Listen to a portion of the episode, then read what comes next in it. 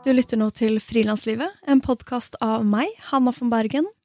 Og meg, Kristina Skreiberg. I denne podkasten så snakker vi med frilansere og eksperter om hvordan det er å jobbe som frilanser i den kreative sektoren. Vi har også samtaler med hverandre om frilanstilværelsen, og i dag skal Hanna og jeg snakke om tidsstyring og vårt forhold til kalenderen vår. For den har vi et nært og nølete forhold til. Hvorfor er kalenderen så viktig for oss? Hvorfor har Hanna fargekoder på alt?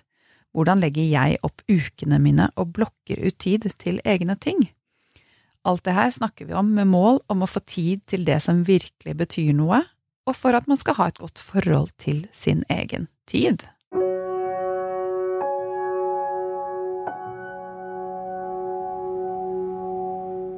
Før vi går i gang, så vil jeg bare takke dere som skriver reviews på iTunes eh, i eh, podkastappen. Den lille appen man finner på telefonen sin. Det er bare å gå inn her, og så gå inn på Frilanslivet og scrolle ned, og så kan man både lese reviews og skrive inn reviews.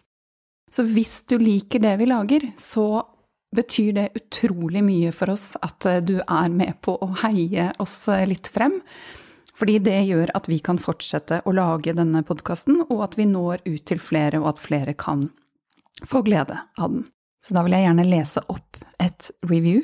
Dette her er fra desember eh, 2019, fra Katrin Berge. Følte meg lenge helt lost i denne frilansverden, men etter at jeg begynte å lytte til en av de tidligere episodene, har jeg slukt alle i en fei, og jeg lengter etter mer. Mer kunnskap, mer koselig auditivt samvær med Hanna og Kristina, to så utrolig dyktige og flotte damer. Episoder som handler om temaet jeg føler ikke er så relevant for meg, ender alltid opp med å gjøre meg klokere og mer positiv på en eller annen måte. Tusen takk for at dere lager denne verdifulle podkasten for oss kunstnere og kreative. Og Katrin Berge, tusen takk for at du tok deg tid til å skrive det til oss. Har du lyst til å gjøre det samme, så bare klikk inn i den der lille appen og scroll ned til å gi tilbakemelding, og ja Det betyr masse for oss om du har lyst til å heie oss frem og hjelpe oss med å nå flere der ute med det, vi, med det innholdet vi skaper. Tusen, tusen takk. Du, Hanna, jeg hopper rett inn. Hvordan forholder du deg til din kalender? Jeg har et veldig nært forhold til min kalender, og um, bruker den veldig mye. Jeg, for å prøve å forklare Det er litt vanskelig faktisk å forklare noe som er så eh, hva, heter, hva skal vi kalle det? Visuelt, eller liksom så Det er ikke så lett å forklare kalenderen sin med ord. Nei, det er en øvelse. Vi eh, kan legge ut bilde også på Instagram. Det kan vi gjøre. Yes. Eh, men min kalender eh, Jeg bruker da Apple sin kalender. Og den er synka mellom telefonen og dataen. Og det er det eneste jeg på en måte bruker Jeg skriver ikke ned liksom andre ting andre steder, et lite notat eller en bok eller Alt som er tidsfesta, føres inn i kalenderen. Du har ikke gule Post-It-lapper og servietter i veska di, sånn Nei. som jeg har. Det her er første regel til tidsstyring, er ha ett system du stoler på 100% Jeg lukker øynene og Men det kan jo være Det kan være ett system for to do-lista og et annet system for kalenderen. Altså, så alt trenger ikke gå inn i samme app. Men eh, hvis du begynner å tenke at ja, noen avtaler står der, noen andre avtaler står i kalenderen, noen skal jeg bare huske på, da blir det veldig vanskelig. Mm. Min kalender er veldig fargerik. Jeg eh, har ulike farger og ulike kalendere for ulike prosjekter. Og da kan det for eksempel være én farge, rosa, for frilanslivet. Mm, jeg liker at vi er rosa. Det er eh, Det kan være eh, Det var når jeg hadde en deltidsjobb, så var den blå. Eh, så det var liksom på en egen kalender og et annet for liksom ja, et nytt prosjekt. Altså sånn at jeg klarer å se tydelig hvordan ukene fordeler seg, da, blant de ulike prosjektene. Eh, grunnen til at jeg bruker ulike kalendere, er mye fordi jeg også teller timer. Så her tenker jeg det er litt viktig å tenke over hva er eh, ditt behov for kalenderen. Så er det Vil du ha alt? Vil du ha privat og jobb på samme kalender? Vil du ha to ulike farger? Jeg har på en måte fritid er grønt. Um, fiksing er rødt. Så jeg er virkelig sånn Og det, jeg tror at jeg forholder meg litt annerledes til kalenderen da, emosjonelt, fordi jeg lett deler opp også i farger mellom hva som er sånn jobbfargene, og hva som er fritid. Men jeg skriver inn alt som er avtalefesta i kalenderen. Så om det er en kaffe med en venn, om det er å stikke til ja, på synsundersøkelse, eller om det er et møte eller innspillingsstudio. Så så fort jeg har fått en tid, så får det en kalenderplass. Du blir jo veldig avhengig av telefonen din, da. Jeg tviholder på almanakken, skjønner du. Ja, det her er interessant. Fortell, fortell mer om verden i den fysiske sfæren. Ja, det Jeg er utrolig glad i den derre sorte Molskin-almanakken som har vært med meg kanskje i 20 år. Ny hvert år, selvfølgelig. Men der eh, Ja, da kjøper jeg de som har en hel uke over to sider, sånn at jeg kan se hele uken. Og der føres alle avtalene inn. Men jeg blir jo Du blir avhengig av telefonen, men den har vi jo egentlig med oss, og vi kan ringe til den hvis vi mister den. Jeg blir veldig avhengig av almanakken.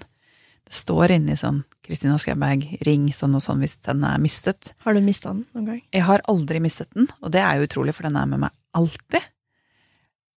Men jeg har løpt febrilsk rundt hjemme og lett etter den, for jeg kan få litt sånn litt noia når jeg ikke vet hvor den er. Men der fører jeg inn alle mine avtaler, og der kan man jo ikke lage sånt system som du gjør, så det blir mye eh, rot og kryssover og blanko og før så var trening, da markerte jeg det med sånn grønn eh, markør, eller marker. Ja, du hadde en liten farge? Jeg hadde en liten farge, ja. Og noen møter var rosa og litt sånn. Men jeg liker så godt den derre fysiske følelsen. Skrive det ned, ha boken, plukke opp boken hvis noen spør om noe, så titter jeg om jeg kan. Men hva er det med den, For det her har jeg hørt veldig mange si når det gjelder lister. Fordi det er digg å stryke det ut. Du føles mer ut som du kanskje har fått gjort noe, fordi du fysisk kan liksom slette det, eh, enn en tastetrykk da, på dataen. Det er ikke like liksom, givende. For oss som er litt sånn strukturmennesker, da. Det er sikkert noen av dere som lytter nå, bare what the fuck? altså, vi er så nerds. Grunnen til at vi lager episoden, er jo fordi vi har snakket om dette her i kanskje en halvtime, time eh, i løpet av de siste ukene, bare sånn ut av det blå. At vi har begynt å snakke om kalenderen. Og mm. bare ok, det her lager vi en episode om. Mm. Og man, det er jo et veldig viktig verktøy som frilanser. Kalenderen din. Men, ja, du spurte om grunnen. Altså ja. listene, da jeg sa i sted og du har ikke servietter og Post-It-lapper, så ille er jeg ikke, fordi eh, avtalene mine går ikke på servietter og Post-It-lapper. Men veldig mye av ideene mine gjør det fortsatt, og det er også ganske frustrerende. Men det handler ikke om kalender, da. Eh, så kanskje vi skal styre unna det her, men det er en stor frustrasjon å ha mange gode ideer rundt omkring. Flyvende rundt på servietter hjemme som jeg har lagt litt sånn her og der. Ligger det litt sånn hav av servietter i en skuff? Ja, det gjør det. Og bakpå et eller annet skriv, og ja, på en kvittering og en gul Post-It-lapp. Så um, der kan jeg bli bedre. Det er også masse på notes inne på telefonen min, da. Bruker det òg. Mm. Så jeg har ikke klart å føre alt på ett sted. Men ja, avtaler går inn i den sorte almanakken. Jeg vet ikke hvorfor jeg liker det jeg vet ikke, følelsen av å ta opp en sort almanakk um, Jeg er bare veldig glad i den boka. jeg er det. Jeg kan ikke, og, jeg, og, så er det en vane. Jeg har hatt den vanen siden jeg kanskje var 20 år. Nå er jeg snart 40 år. 20 år, da, med en sort almanakk. Og hvordan skal jeg avvenne meg det, liksom? Det Nei, jeg kan ikke bli heldigital. Nei? Det går ikke. Men jeg har blitt mer digital. Ja, for nå ble jeg veldig nysgjerrig på øh, hvordan du faktisk hvordan Det her er spennende. ja, men hvordan ja, Super juicy. Men hvordan ser det ut i praksis? Fordi da skriver du ned avtaler i din lille svarte bok. Um, men så har du også en digital kalender. Hvor, hvordan forholder du deg til begge samtidig? Etter jeg møtte deg, så har jeg blitt mer digital. Og det er fordi du snakker så Eller vi snakker så mye om disse tingene, og du har så godt system. Jeg beundrer deg for det, og misunner deg. Eh, og du er jo heldigital. Så da har jeg begynt å bruke kalenderen iCal på um, Mac-en og telefonen, men jeg bruker den nesten bare på Mac-en, som et verktøy for å eh, Som et tidsstyringsverktøy. Så jeg har den alltid åpen i sånn månedsframen, eh, hva heter det? Mm. Ja, trykker på month. Sånn at jeg ser hele måneden foran meg. Det er litt som at jeg har behov for å se hele uken foran meg i almanakken. Og så plotter jeg inn, eh, ikke på tidspunkter og avtaler, men jeg blokkerer ut dager for prosjekter jeg vet at jeg har lyst til å jobbe med. Så hele det kommende året og ut langt ut i neste år så er torsdager blokket ut til podkast, står det det. Fredager, nå, nå, i høst, så har jeg bestemt meg for å begynne å jobbe med et annet prosjekt på fredagene. Og da blokker jeg det ut på fredager. Og så blokker jeg ut tid til admin, for det vet jeg at jeg må bruke tre-fire timer på i løpet av en uke. I tillegg til litt sånn her og der, men setter meg ned og gjør admin. Så blokker jeg ut tid til det. Og så, det gir meg en oversikt over hvor mye tid har jeg egentlig fra og med for eksempel etter sommerferien og helt frem til jul. Og det er som prioriteringsverktøy. Hvor mye tid har jeg til å ta oppdrag for andre? Og hva er det jeg egentlig har lyst til å gjøre? I margen kaller jeg det. Det er i helgen. Og dette var nølete. Herregud. Men, men, la gå. Jeg syns det er kjempespennende. Anna sitter sånn og kribler, holdt jeg på å si. Mm, jeg bruker helgene som marg, med mindre jeg skal jobbe i helgen. Det, det, er sjelden, faktisk. Så putter jeg inn bare alt som jeg har lyst til å få til frem til jul. Det kan være alt mulig. Og det kan være eh, lage ny nettside, det kan være altså masse sånn indre liv for bedriften, og et estimat på hvor lang tid det tar. Mm. Så hvis jeg skal lage ny nettside, så tenker jeg at kanskje det tar fire-fem dager, eller oppgradere nettsiden min. Da putter jeg, la oss si fem, lager ny nettside, og de skal spres utover fem dager i løpet av tiden fremover. Og Så sitter jeg da og liksom Det er litt som en sånn spill, hvor jeg bare dytter disse frem og tilbake. Tetris. Ja, og det har jeg gjort kanskje i et år nå, og det har gitt meg så utrolig bra oversikt over tiden min.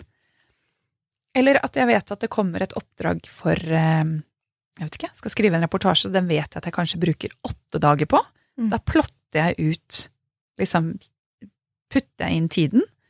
Jeg vet det er en deadline, så det bør gjøres innen da, men det må ikke kanskje gjøres på den dagen, så det kan flyttes litt på.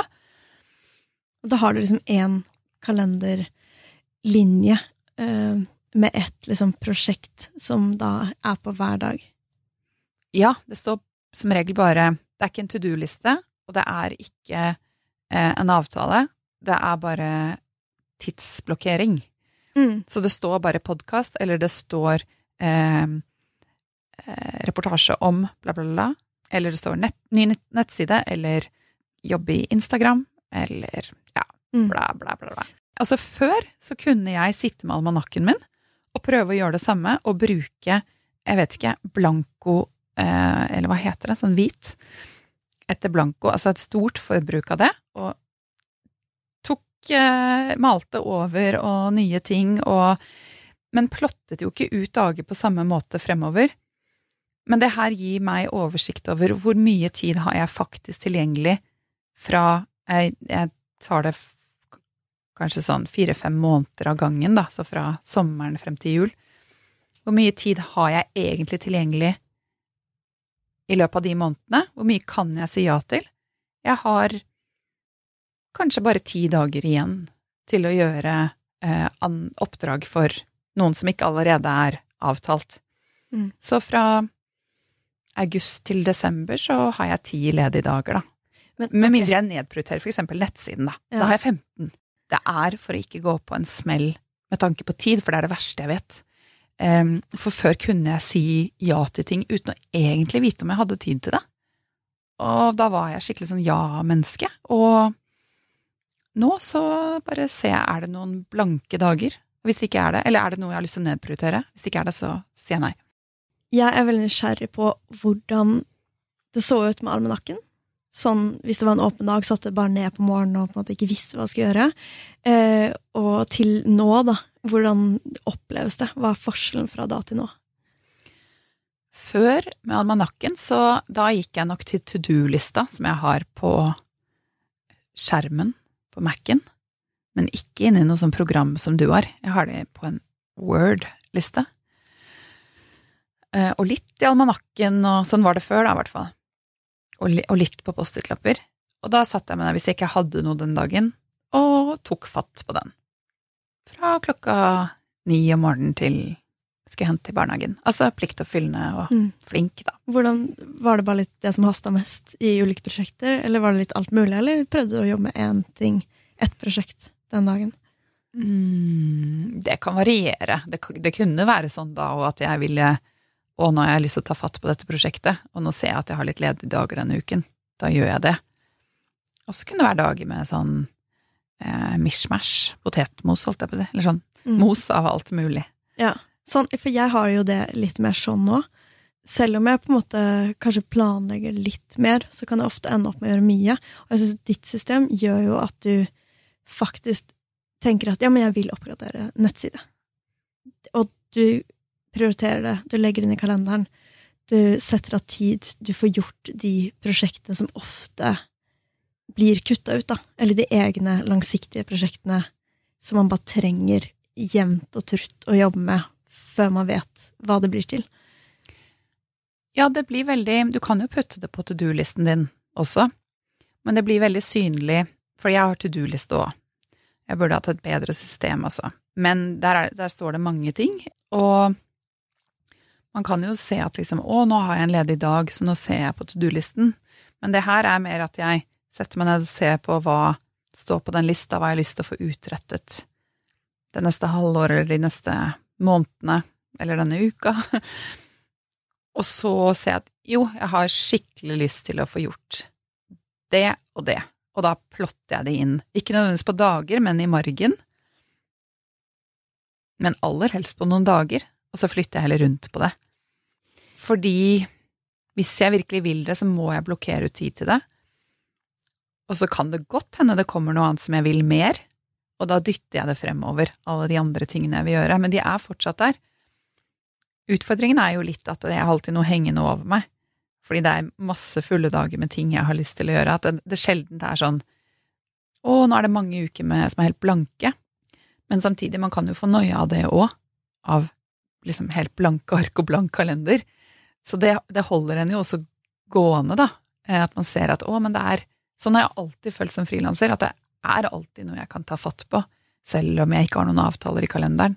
Enig. Eller ingen har sagt at jeg skal gjøre noe. Du må jo være ganske god på, å, på tidsestimering av de tingene du gjør, fordi der syns jeg ofte Jeg syns det kan være veldig vanskelig å vite hvor mange dager det her prosjektet tar, eller hvor mange dager tar det å forberede en workshop, eller eh, Altså alt man gjør, egentlig. Men eh, du sier på en måte ja, men det tar fem dager, og så putter du inn de fem dagene i, i, kalenderen. Er det at du bare har blitt veldig god på å forstå arbeidsmengden som kreves?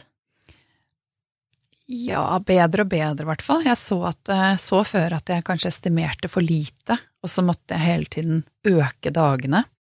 Og Men det må jeg fortsatt noen ganger. Hvis jeg ser at den nettsiden trenger to dager til, så må jeg bare plotte inn to dager til, da. Mm. Eh, eller sitte en kveld da og fikse litt på det, fordi altså, noen ganger sprekker det jo. Men Ja, prøver, i hvert fall. Men dette er ikke en sånn Jeg skriver jo ikke timer sånn som deg, da. Jeg tar alt på gefühlen. Altså, frilanslivet er det eneste prosjektet jeg skriver timer for, så det er eh, Det er ikke et timeføringsverktøy sånn som du bruker det. Mm. Det er bare et tidsblokkeringsverktøy. Eh, men det er fordi det har blitt veldig, veldig viktig for meg. For jeg har gått på en smell veldig mange ganger at jeg bare jo, men det kan jeg vel, og så har jeg egentlig ikke en god oversikt noe sted på om jeg har tid til det. Fordi man tror jo man har tid, men hvis man setter seg ned og faktisk ser hva er det, hva jeg har allerede sagt ja til, hva vil jeg gjøre, og hvor mye tid er det da faktisk igjen? Ja. jeg syns det her er veldig interessant, eh, og tenker at det her er noe jeg vil teste ut. Eh, med å ja, rett og slett se litt lenger frem og finne ut hva man gir plass til og ikke. Og det der med å kunne jobbe med ulike prosjekter på ulike dager. For jeg kan ofte jobbe med masse ulikt på samme dag. Og det kan være litt stressende.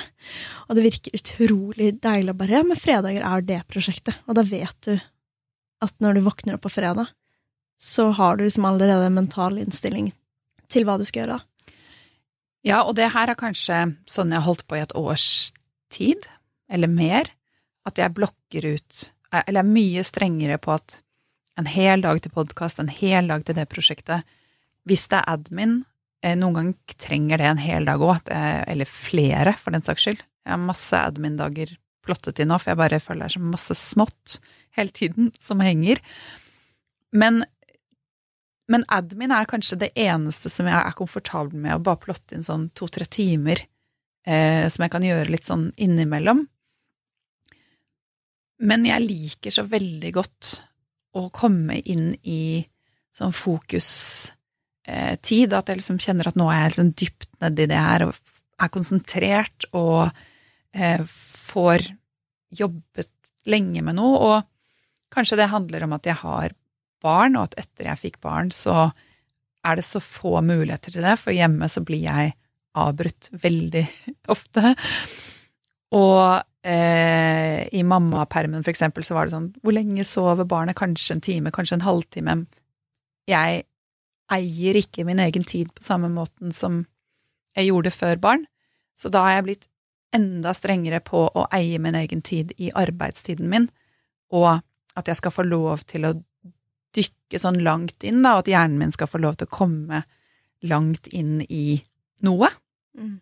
Jeg ser at det er da jeg jobber best, og da, hvis det er noen som foreslår et møte Eh, for jeg har jo sånne dager òg, hvor jeg går på møter og kanskje sitter på en kafé mellom møtene og svarer på litt mailer og Men da prøver jeg å ha en møtedag.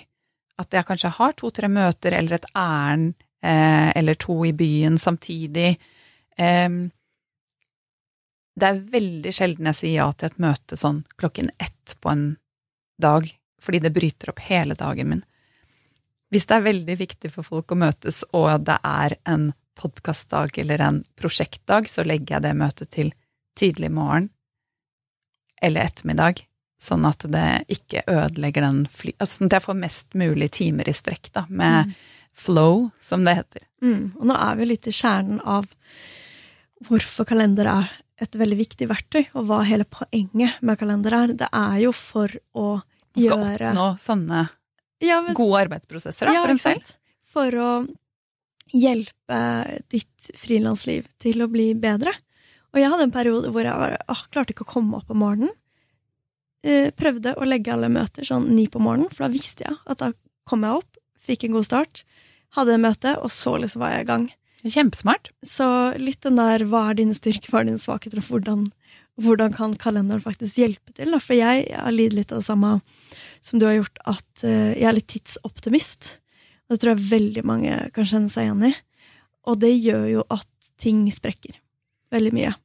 Og hvis jeg hadde brukt kanskje litt mer av ditt verktøy, som hadde vært å liksom hatt et system hvor liksom, ok, men det her er ikke en, det er ikke møte, det er liksom Jeg blokker det her. Her vet jeg at jeg har lyst til å jobbe med podkasten, og kanskje disse tingene vil jeg få gjort den dagen. Og så begynner man å se ok, hva får jeg faktisk gjort i løpet av de neste månedene i forhold til det man har sagt man skal gjøre, sine ambisjoner, deadlines da er det et supert verktøy for å bli bedre på å forstå hvor mye tid ting tar. Hvis det hele tida sprekker, så er det jo et signal om at uh, jeg planlegger for, uh, for kort, kort, tid da, på de ulike tingene.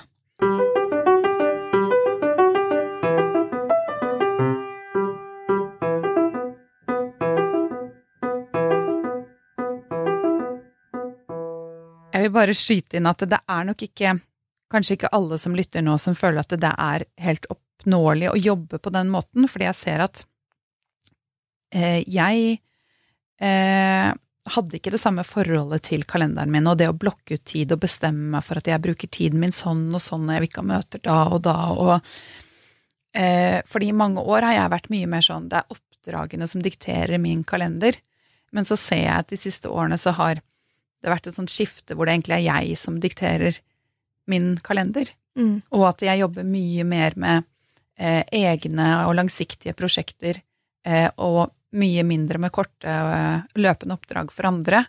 at den pendelen har skiftet veldig, mens mange gjør jo, eh, eller veldig mange gjør Man jobber når oppdragene er. Men jeg tror det er fint hvis man har eh, så ikke føl dere maktesløs hvis man på en måte er der og man tenker at å, det her funker jo ikke for meg, eller det er jo en helt uoppnåelig eller rar metode. Mm.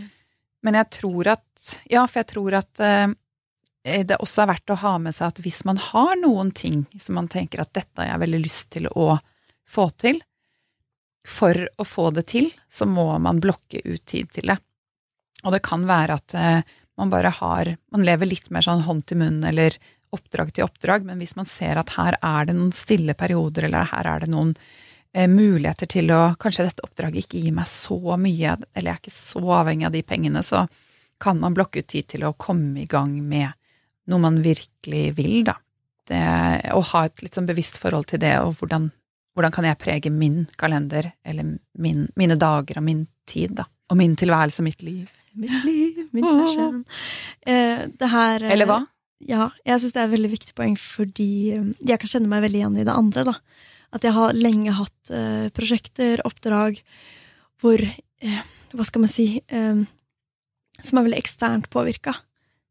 Eh, og det viktigste da har jo vært å svare på mail, ta det som brenner, eh, jobbe med de tingene som kommer først. Eh, fordi det har kommet ting litt sånn fra sidelinja som jeg bare må reagere på. og ja, så er det en veldig sånn reaktiv arbeidshverdag. Mens det som du har nå, og det som jeg prøver å bevege meg mot, er jo en litt mer sånn proaktiv arbeidshverdag, hvor jeg eier litt mer tiden. Og selv om vi har masse deadlines, skal være en episode i uken, og vi har masse på en måte forpliktelser til prosjektet som vi selv har satt, så kan jeg velge om jeg vil gjøre mange intervjuer og havne i forkant, eller klippe det så vi ligger flere uker før eh, deadline. Så det der å komme til det eh, punktet hvor man begynner å snu litt, da, på hvem som sitter i liksom førersetet. Og det er jo litt avhengig av hva man jobber med.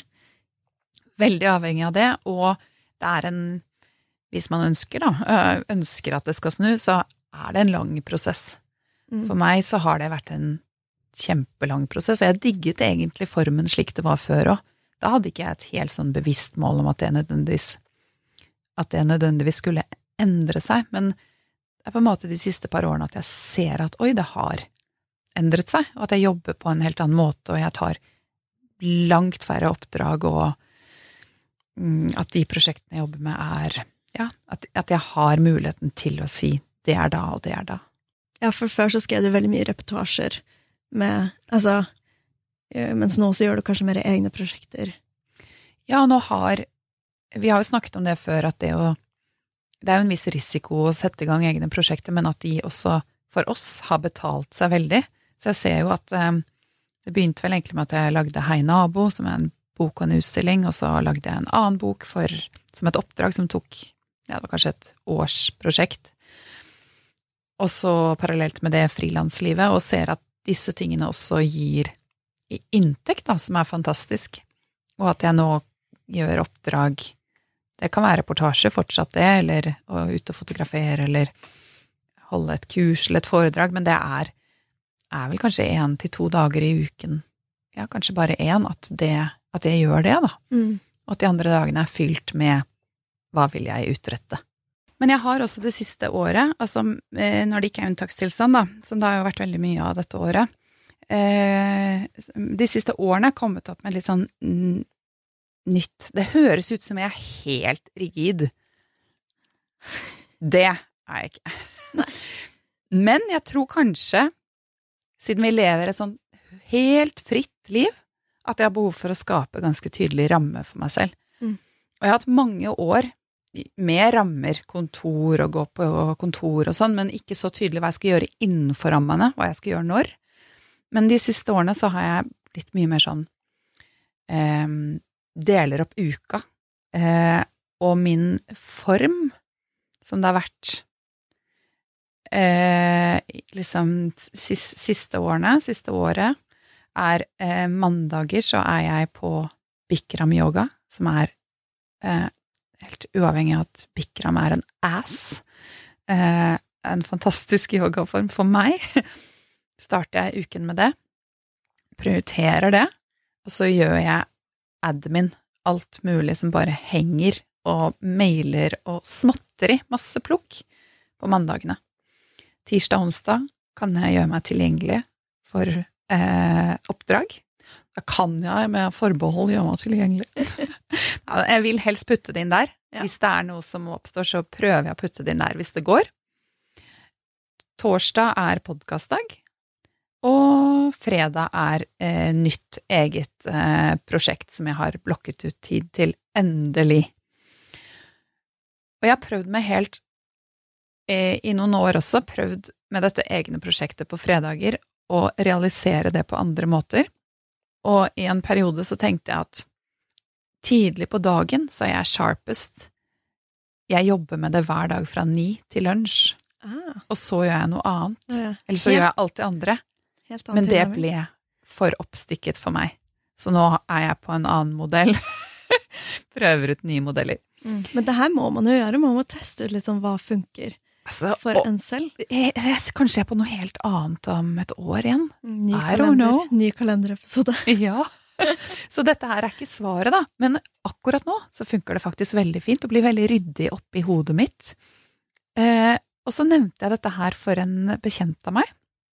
Hun jobber i reklamebransjen og er veldig opptatt av Hun er leder og av lederskap og personlig lederskap, og det første hun sa, var litt sånn Oi, det er ikke sånn jeg forventer av en frilanser. Da blir jeg sånn Åh! Ja, jeg er så lei mm. av at man ikke forventer sånt av en frilanser. Men Hva da, da sa hun Struktur, liksom? ja! Åh. Men da sa hun Men vet du hva, det her er noe jeg nylig leste om. Eh, en fyr som heter David Baker, en amerikaner som har skrevet masse bøker om sånn business og lederskap og sånn. Eh, han, eh, nå er jeg inne på bloggen hans og sitter og ser på det, han har også skrevet om den måten å dele inn uka på, sa hun til meg. Så jeg bare Å, oh, wow! Liksom at jeg har funnet opp dette her. Eh, og det faktisk er en greie. Men da har han, skriver han at du vil ha det skikkelig bra hvis du deler inn uka di med de første tre dagene handler om å get shit off your plate. Og det er litt det jeg gjør med admin og så alle mulige oppdrag som må gjøres. Og de neste to torsdag og fredag er Create High Value, liksom på slutten av uka. Og så de neste to, som er helgen, er liksom Live Life, Live in Context. Så jeg bare Hello there. Hva tenker du, Hanna? Jeg Men høres jeg helt eh, gæren ut? Nei, jeg tror, mange kan, jeg tror mange kan bli, bli provosert. Ja, kanskje litt provosert, og kanskje litt misunnelig. Fordi eh, ofte så er man ikke så i kontroll over sitt eget frilansliv. Man er kanskje litt mer sånn offer for eh, liksom, å få inn penger og fikse ting, og det er liksom overveldende på alle kanter. Men det her er jo Og jeg har vært det i årevis, altså. Uten at jeg egentlig følte at det var noe pes, det bare var sånn. Mm. Og så er det jo litt pes, selvfølgelig, men ja. Ja, men jeg også er jo hypp på å bevege meg mer og mer i den retningen du har gjort.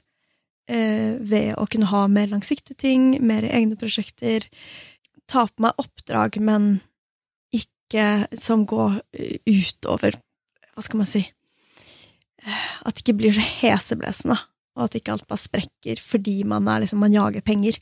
Det, og det er jo jo bedre du tjener, jo lengre liksom, langsiktighet man har, jo lettere er det også, og jo mer man interesserer seg for det her. Fordi det handler jo om et skift også i mentalitet og i planlegging. Så det er jo ikke bare noe som har kommet til, det er jo noe du aktivt har jobbet frem. Det er viktig å si.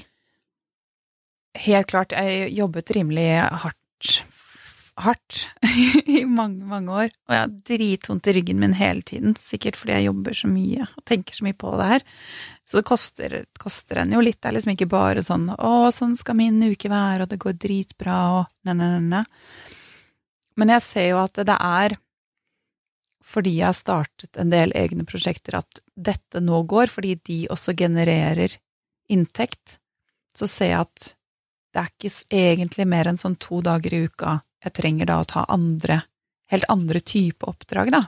Eh, eller eh, Og noen ganger så tar det meg kanskje to uker å skrive en reportasje, og da kan ikke jeg si den kommer om to måneder, for jeg bruker bare to dager i uka, jeg. Da, da liksom omrokerer jeg på alt, selvfølgelig.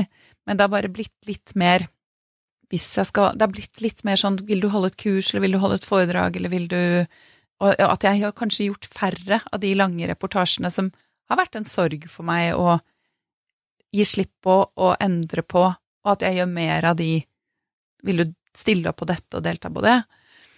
Men jeg ser at ved å gjøre mer av det, og skrive mindre eller færre lange reportasjer, som ikke er så godt betalt, så får jeg realisert mer av det jeg virkelig drømmer om, som er det jeg bruker torsdagene og fredagene på.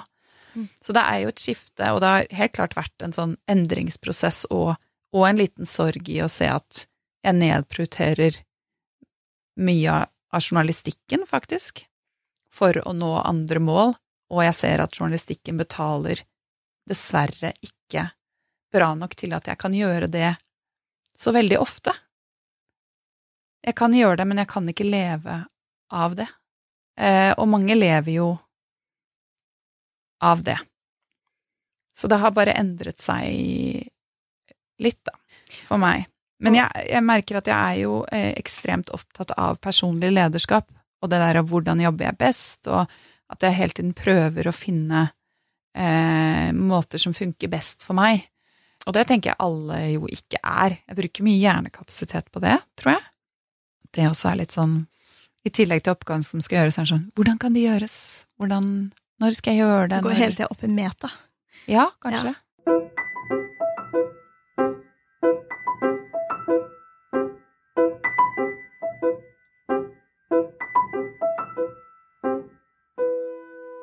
det du snakker om med måten du forholder deg til kalenderen, som både er sånn her er en avtale, men her er også visjonen min med mitt egne prosjekt, jeg blokker av tid, det er jo litt av essensen i tidsstyring.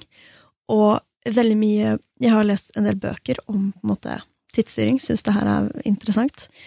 Det er vel David Allen, 'Getting Things Done', eh, som eh, snakker mye om at din to do-liste kan ikke bare være nedenfra opp, da. Det kan ikke bare være sånn kjøpe melk, eh, sende den mailen, ha det møtet.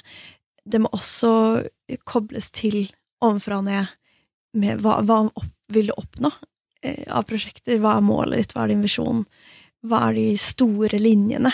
For hvis du bare er stuck nede i alt det lille, og krysser av, krysser av, krysser av Kanskje vi har gjort masse ting, men leder det egentlig deg til dit du vil? Så det er jo det å klare også at kalenderen representerer samme filosofi, da.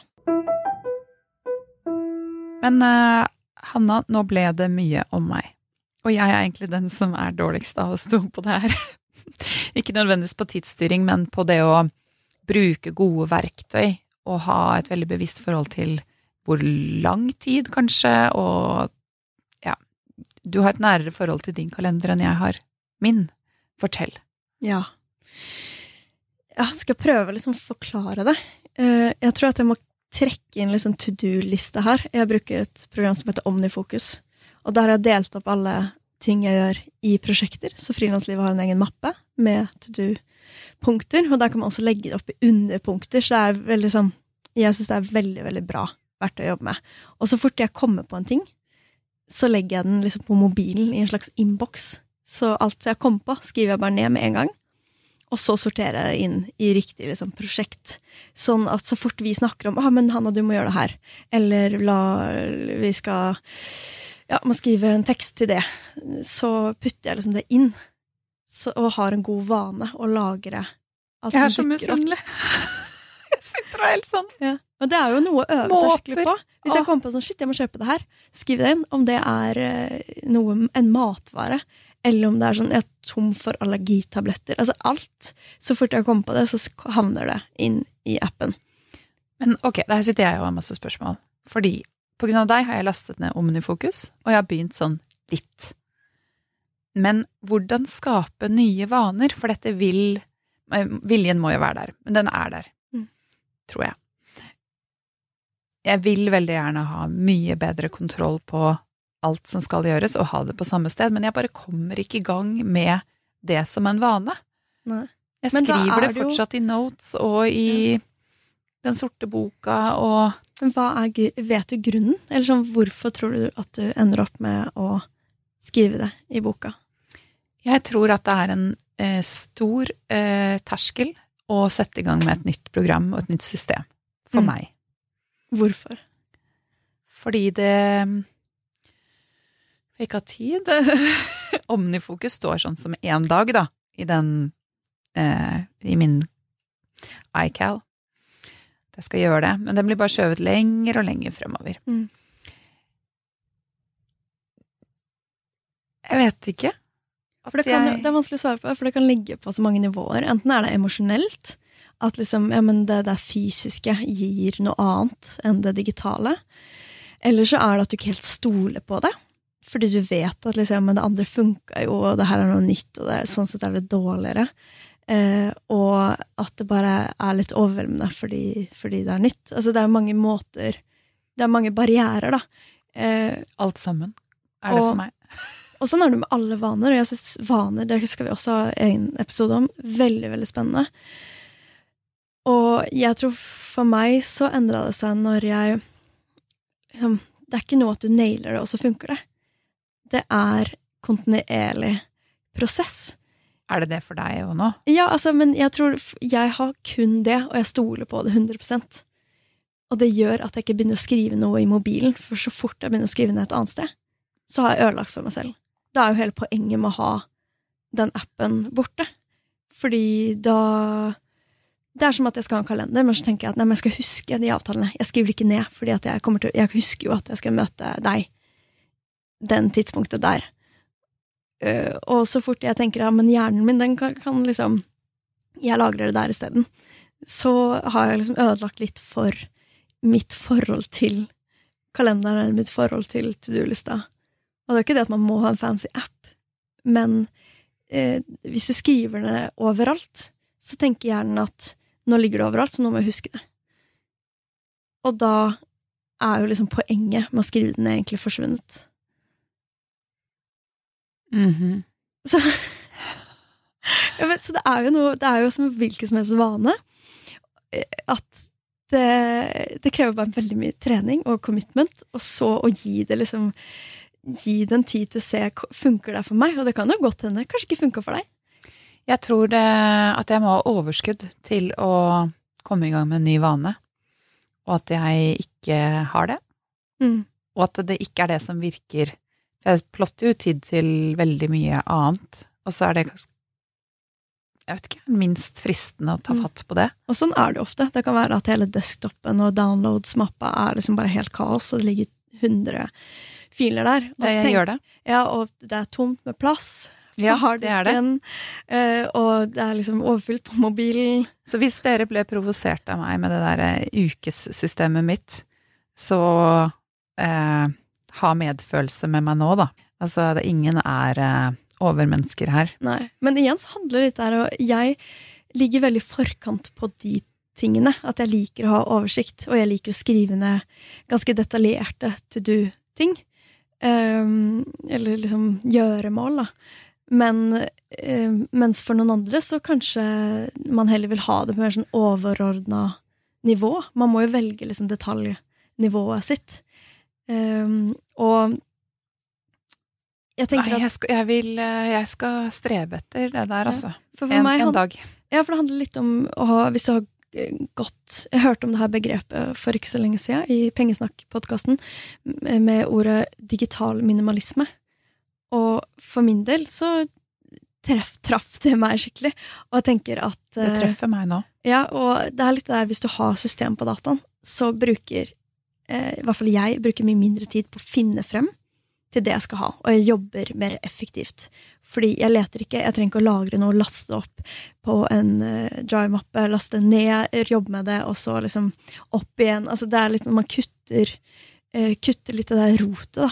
Um, ved å ha gode systemer. Så for meg, som jobber ofte med mange parallelle prosjekter, så trenger jeg et veldig sånn trygt system som jeg stoler på, for å kunne ha oversikt, for å ikke være stressa. Det trenger jeg også. Um, og jeg, jeg, føler at etter jeg fikk barn, så har jeg hengt etter Eller etter jeg fikk to barn, i hvert fall. Mm. Hengt litt sånn etter og hatt ikke så god oversikt. Men eh, det er jo ingen unnskyldning, for jeg klarer jo å plotte ut tid til ganske mange egne ting, og så jeg, blokkerer jeg ikke ut tid til å gjøre det her, da. Mm. Så det, ja, dette er godt å høre. Blir du, blir du motivert, eller hva? Nei, jeg blir veldig provosert over deg. Nå er det ikke, Nå. ikke, inspirert, altså? Provinspirert. Ja. ja. Nei da. Jeg, jeg, blir veldig inspirert. Mm. Mm. Men det er jo irriterende med strukturerte mennesker. Det kan jo være det. Altså, vi to er jo, kan jo være veldig irriterende for andre som uh, forholder seg helt annerledes til eh, lister, struktur, kalender alt det her. Og vi sier jo Sikkert. virkelig ikke at alle trenger å gjøre som oss, men det Ta det du vil, og kast det du ikke vil ha. Ja. Mm. For å eh, bringe liksom tilbake til To Do-appen, da. Det som er litt viktig, er at jeg eh, Så fort det blir tidsfesta, så kommer det i kalenderen og forsvinner fra appen. Det er kanskje sånn bookestudio med det her intervjuobjektet. Hvis det er blitt booka, og vi vet at ja, men det er klokka ni på torsdag, da skriver jeg den i kalenderen, og så forsvinner det fra to do-lista. Fordi det har liksom fått en tidsspesifikk slott, da. Eh, så det gjør jeg med alt som er avtaler, og alt som er med andre, andre personer i kalenderen. Så flink du er.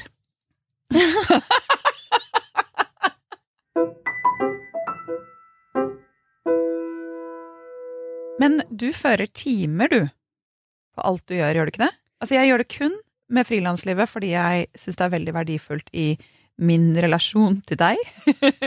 Så man har en tydelig Man ikke bare går og føler eh, hvor mye man jobber. At man jobber mye eller lite, men ja. man vet ja. hvor mye man jobber. Men du gjør det i alle prosjekter? Ja. Det er jo mye fordi jeg ofte jobber i prosjekter med andre mennesker. Det er veldig veldig få prosjekter jeg har som er helt alene. Har du andre enn meg? Jeg har andre enn deg men ikke like bra som deg. Nei. og da, Håper de ikke hører på. Og da De er gode på hver sin måte. Elsker ja. alle barna. Det er bra de gjør. Nei, men det som har vært viktig for meg, er at hvis jeg har et 50% engasjement da, i tre måneder, så har det vært viktig å forstå ja, men jobber jeg 50% eller jobber jeg mye mer? For ofte så jobber man jo mer enn det man egentlig skal, for det man får betalt for, da, eller det som er avtalen. Og også for å lære meg hva skal jeg fakturere. Sånn som hvis vi har et foredrag, da. Ja, hvor lang tid har vi egentlig brukt på å planlegge det foredraget? Eller hvis jeg gjør et, eh, en, et liksom prosjekt på noen måneder sammen med noen andre, så frigjør det litt mer sånn fleksibilitet at noen jobber mer enn andre, men så fordeler man eh, lønnen likt da, på arbeidstimer. Um, men mye har vært for min egen del å forstå for før så slet jeg veldig med at jeg jobba altfor mye. Og da eh, Det gir liksom et evalueringsverktøy da, for å forstå sånn, hvorfor ble det for mye, og hvordan kan jeg minimere, og hvor mye tid har jeg faktisk brukt på de ulike prosjektene. Men får du noen gang en aha-opplevelse? At du følte at du jobbet veldig mye, og så var det ikke så mye? Eller omvendt?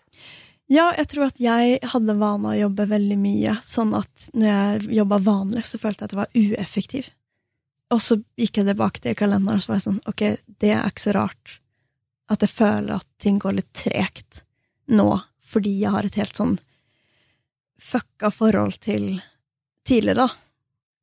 Og da er det noe å omjustere mitt forhold til tilgjengelig tid. Så jeg tror det har vært en stor aha-opplevelse. Og at ting ofte sprekker. Begynner å liksom se hvorfor sprekker det. Og mye der handler om at jeg har liksom ligget bakpå. og jobber med å komme liksom frampå. Og det igjen handler om at jeg har gjort for mye, tatt på meg for mye. Så det, her, det henger jo sammen. Alt henger sammen. Ja. Mm.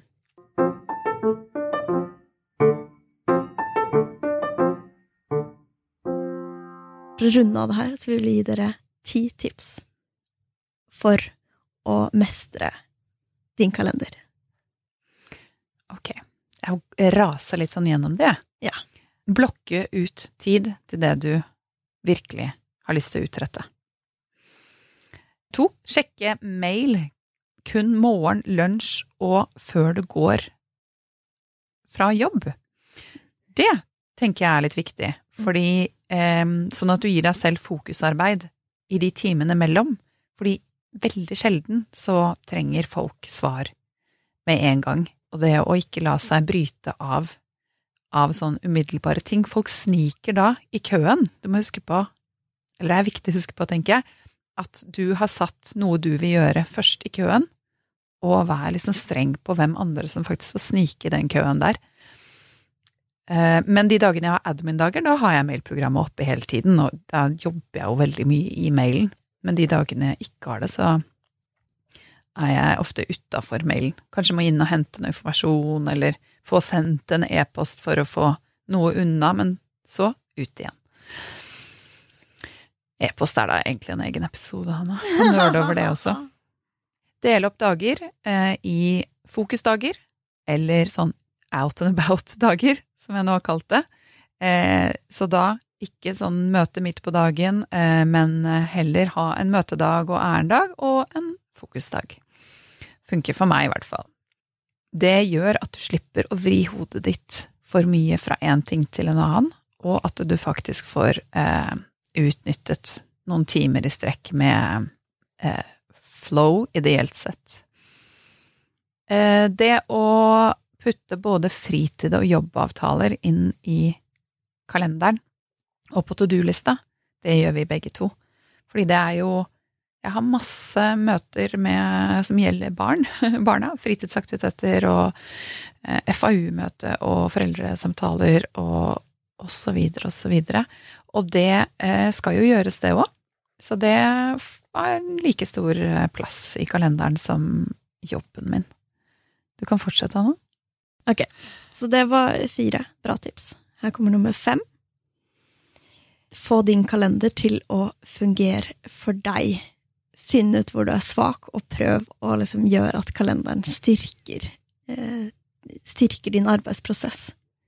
Nummer seks få de ulike systemene dine til å snakke sammen. Eh, sånn at to do-lista på en måte har en fin eh, sammenheng med kalenderen. At de styrker eh, hverandre. Og for all del, nummer syv, ikke bruk masse ulike steder for det samme. Nummer åtte, blokker litt Altså, buffertid er generelt veldig viktig i kalenderen. Og det er også lurt å ha buffertid mellom møter.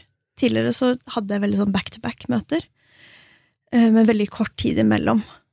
Tenkte at det tar kvarter å gå dit, da tar jeg kvarter imellom. Erfaringsvis, ting tar lengre tid enn man tror det gjør. Så legg inn slingring før og etter avtaler.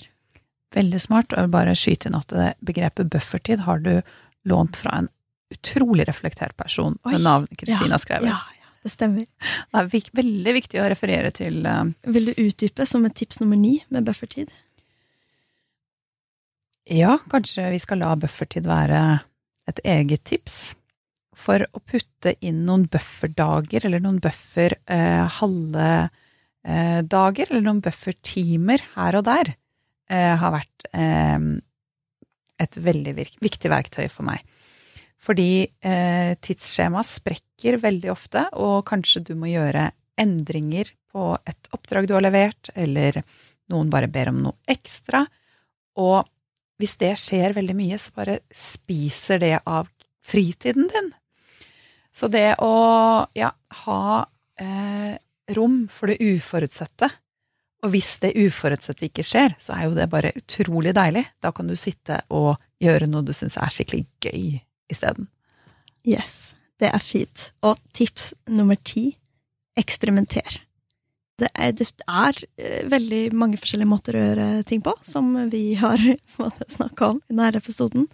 Så ta og liksom gå litt opp i metaperspektiv, se hvordan du gjør det nå, tenk litt hvordan du ønsker deg, tenk på hva du vil teste ut, hvilke drømmer du har for din frilanskarriere, og få dine systemer til å eh, hjelpe deg litt på veien.